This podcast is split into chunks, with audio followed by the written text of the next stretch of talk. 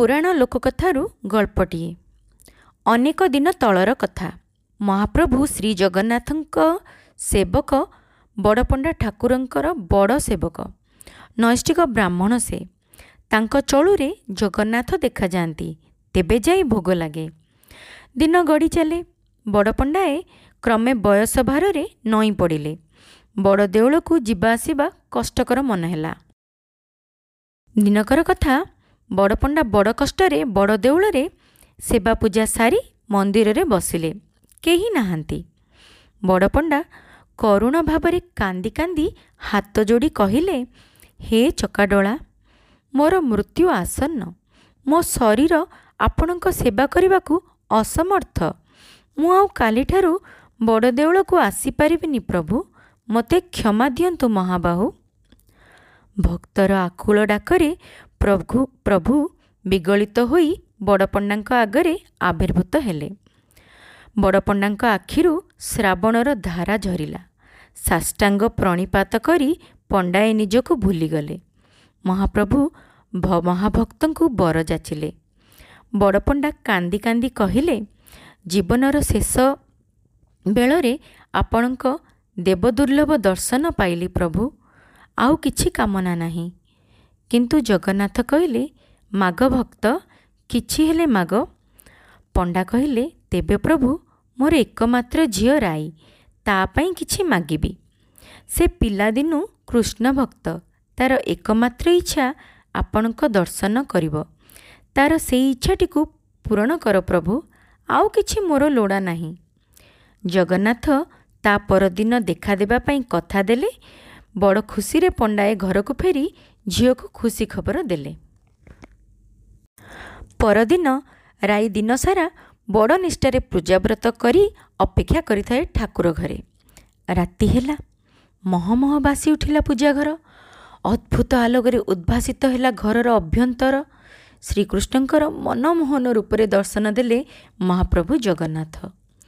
ଲୁହ କୋହରେ ଅନ୍ଧୁଣୀ ପ୍ରାୟ ହୋଇଗଲା ବ୍ରାହ୍ମଣ କନ୍ୟା ରାଇ। ପ୍ରଭୁ ତାଙ୍କୁ ସ୍ପର୍ଶ କଲେ ଚେତନା ଫେରି ଆସିଲା। ପ୍ରଭୁ କହିଲେ ମନ ଇଚ୍ଛା ବର ମାଗିନିଅ ରାଇ। ରାଇ କହିଲା ମୋତେ ବିବାହ କରନ୍ତୁ ପ୍ରଭୁ ମୁଁ ଆପଣଙ୍କୁ ସ୍ୱାମୀ ରୂପେ ଚାହେଁ। ଅଡ଼ୁଆରେ ପଡ଼ିଗଲେ ଦୀନବନ୍ଧୁ।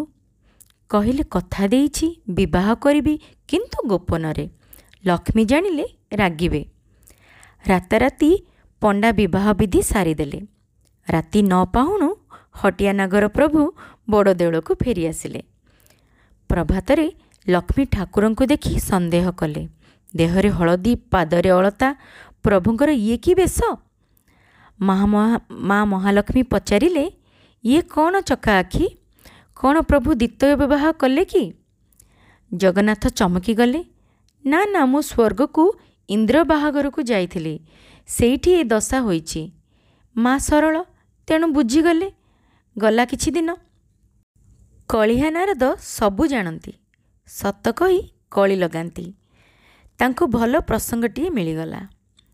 ସେଦିନେ ବଡ଼ପଣ୍ଡାଙ୍କ ଘରେ ଯାଇ ପହଞ୍ଚିଗଲେ।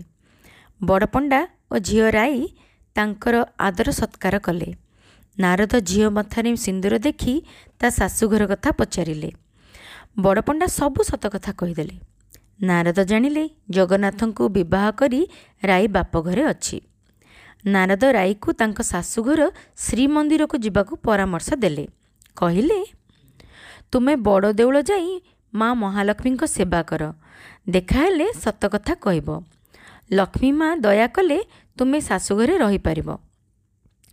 ତା ପରଦିନଠୁ ରାଇ ଲକ୍ଷ୍ମୀଙ୍କ ପହଡ଼ ଭାଙ୍ଗିବା ପୂର୍ବରୁ ଦେଉଳରେ ପହଞ୍ଚି ମନ୍ଦିର ପରିଷ୍କାର କରି ଓ ଅନ୍ୟ କାମ ସବୁ ସାରି ଗୋପନରେ ଫେରିଆସେ। ମହାଲକ୍ଷ୍ମୀ ଆଶ୍ଚର୍ଯ୍ୟ ଆଶ୍ଚର୍ଯ୍ୟ ହୋଇ ଭାବିଲେ କିଏ କାହିଁକି ଗୋପନରେ ମୋର ଏତେ ସେବା କରୁଛି ଦେଖିବାକୁ ହେବ। ଦିନେ ରାଇକୁ ଧରିଲେ ଓ ପରିଚୟ ପଚାରିଲେ। ରାଇ ସତ କଥା କହିଦେଲା ମା ଲକ୍ଷ୍ମୀ ରାଗି ନିଆଁ ବାଣ ଜଗନ୍ନାଥେ ଡରି ଛାନିଆ। ବୁଝାଇଲେ କି ଲକ୍ଷ୍ମୀ ବୁଝିବେ? ଠିକ୍ ସମୟରେ ପହଞ୍ଚିଗଲେ କଳିହା ନାରଦ। ସବୁ କଥା ଆଉ ଥରେ ଶୁଣି ମାଆଙ୍କୁ ବୁଝାଇଲେ। ପ୍ରଭୁ ତ ବିବାହ କରିସାରିଲେଣି। ବର୍ଷକ ତିନିଶହ ପଞ୍ଚଷଠି ଦିନ ସେଥିରୁ ପଚିଶ ଦିନ ରାଇଙ୍କ ନାମରେ ରହୁ। ଅଶ୍ୱିନ ମାସ ଶୁକ୍ଳ ଦଶମୀ ଠାରୁ ପଚିଶ ଦିନ ଜଗନ୍ନାଥ ବଡ଼ପଣ୍ଡାଙ୍କ ଝିଅ ରାଇଙ୍କର ସ୍ୱାମୀ ହୋଇ ରୁହନ୍ତି। ପ୍ରଭୁଙ୍କର ରାଇ ଦାମୋଦର ବେଶ ଦର୍ଶନ କଲେ ଆଖି ପବିତ୍ର ହୁଏ ମହାପାତକ ନାଶ ହୁଏ।